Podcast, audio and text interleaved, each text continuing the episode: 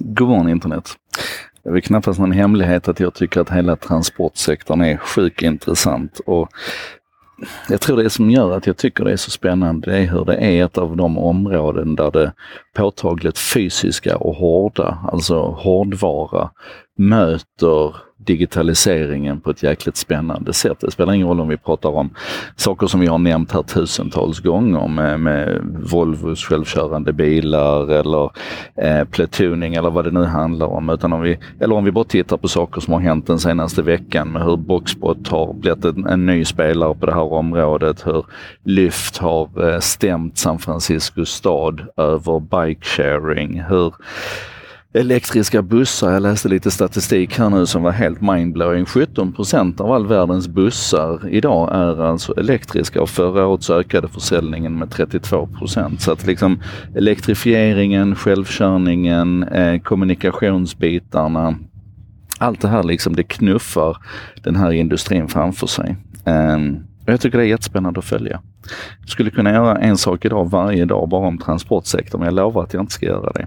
Däremot så ska jag idag prata om en grej som jag tyckte var lite så här eh, ögonöppnande för att det pekar på en av detaljerna i det som händer. Att när vi, när vi löser några problem så får vi helt plötsligt möjlighet att fokusera på andra istället. Och Det här handlar om Bridgestones nya tysta däck.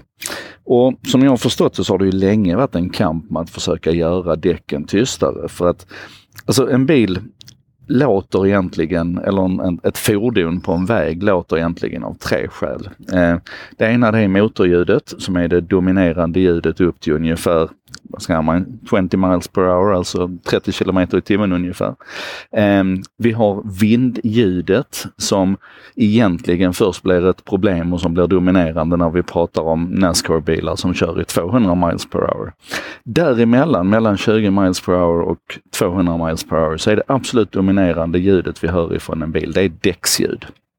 Och då är det ju helt klart att när vi nu liksom i stadstrafiken börjar ha självkörande tysta fordon där motorn inte låter och det inte är ett problem att de går i 200 miles per hour så att vindljudet inte är något problem. Då återstår ju bara att fokusera på däcksljudet. Och det har ju gjort att man nu har accelererat den här forskningen någonting oerhört. Och det har liksom, det har blivit en, vad ska man säga, det har blivit en helt ny forskningskategori, en helt ny utvecklingskategori där nu Bridgestone och Pirelli och alla de här däckstillverkarna jagar varandra för att liksom försöka få fram de tystaste däcken.